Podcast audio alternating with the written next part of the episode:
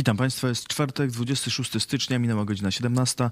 Ja nazywam się Cezary Kłosowicz i zapraszam na serwis informacyjny Idź Pod Prąd.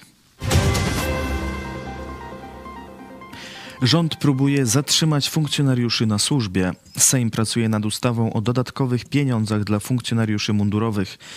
Pieniądze mają zatrzymać policjantów i żołnierzy, którzy masowo chcą przechodzić na emeryturę. W projekcie rządu zapisano, że każdy funkcjonariusz i żołnierz po 15 roku służby dostanie dodatek wynoszący 5% wynagrodzenia. Ma się on zwiększać o 1% z każdym kolejnym rokiem. Ponadto funkcjonariusze służby mundurowych mają prawo do dodatku motywacyjnego po 25 latach służby. To świadczenie nie obejmuje jednak funkcjonariuszy służb specjalnych, skarbówki i Straży Marszałkowskiej. Ustawa ma to zmienić. W tym roku z policji chce odejść od 5 do 8 tysięcy policjantów. To ponad dwa razy więcej niż w poprzednich latach, a już nieobsadzonych jest ponad 4 tysiące etatów. Z armii w 2022 roku odeszło 5 tysięcy żołnierzy. W Straży Granicznej zamiar odejścia zadeklarowało ponad 1100 funkcjonariuszy. To także dwukrotnie więcej niż w poprzednich latach. Z Krajowej Administracji Skarbowej może odejść nawet 10% zatrudnionych. Stany Zjednoczone oficjalnie ogłosiły, że przekażą Ukrainie czołgi Abrams. Decyzję przekazał prezydent Joe Biden. USA przekażą 31 czołgów Abrams. Jak powiedział Joe Biden, dostarczenie ich zajmie pewien czas, który zostanie wykorzystany na to, by Ukraina była przygotowana na włączenie ich w swój system obrony.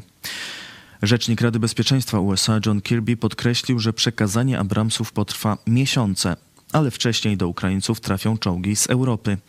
Dodał, że USA zakupią dla Ukrainy nowe maszyny, a nie przekażą czołgów z magazynów ze względu na brak nadmiarowych czołgów. Czas jest też potrzebny na przeszkolenie w obsłudze i zbudowanie logistyki dla Abramsów.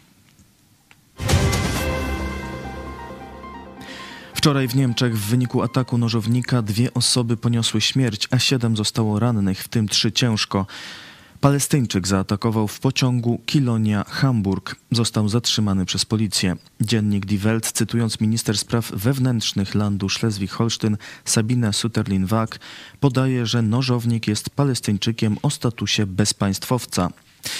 Welt informuje też, że zabójca to 33-letni Ibrahim A., który do Niemiec przyjechał w 2014 roku. Jak donoszą media, jeszcze tydzień temu przebywał w areszcie. Atak terrorystyczny w Hiszpanii. Jedna osoba nie żyje, a co najmniej cztery są ranne w wyniku ataku na dwa kościoły w Algeciras na południu Hiszpanii. Do tragedii doszło wczoraj wieczorem. Śmierć poniósł kościelny drugiego z zaatakowanych kościołów. Według świadków ofiara zmarła na ulicy, próbując uciec, uciec przed napastnikiem. Ciężko ranny w szyję jest także proboszcz kościoła, od którego rozpoczął się atak. Morderca został zatrzymany przez policję.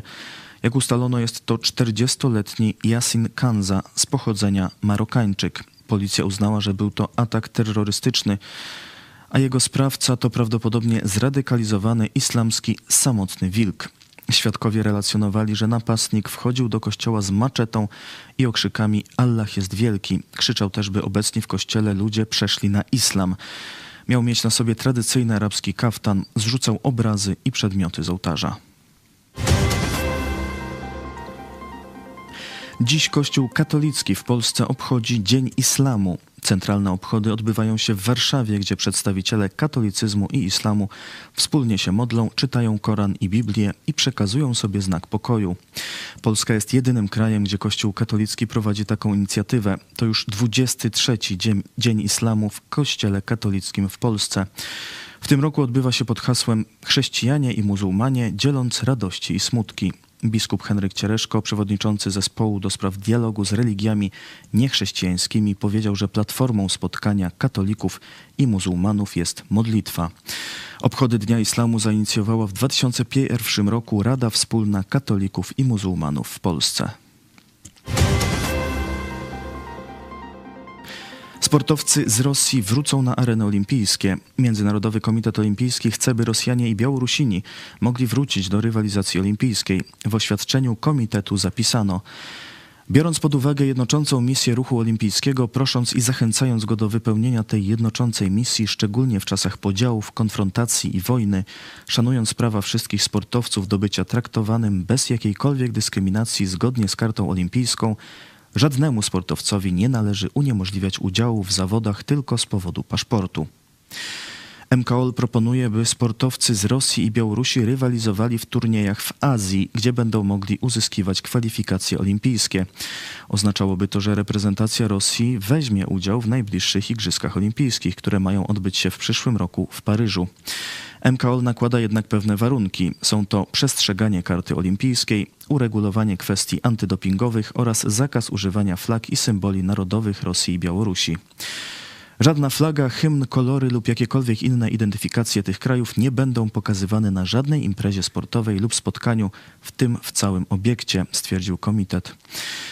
MKOL utrzymał też zakaz organizowania imprez sportowych w Rosji i na Białorusi, a także zakaz akredytowania rosyjskich i białoruskich działaczy sportowych. To wszystko w tym wydaniu serwisu. Dziękuję Państwu za uwagę. A jeszcze dziś o 18 zapraszamy na program Proces Mariana Kowalskiego Granice wolności słowa w Polsce. Do zobaczenia.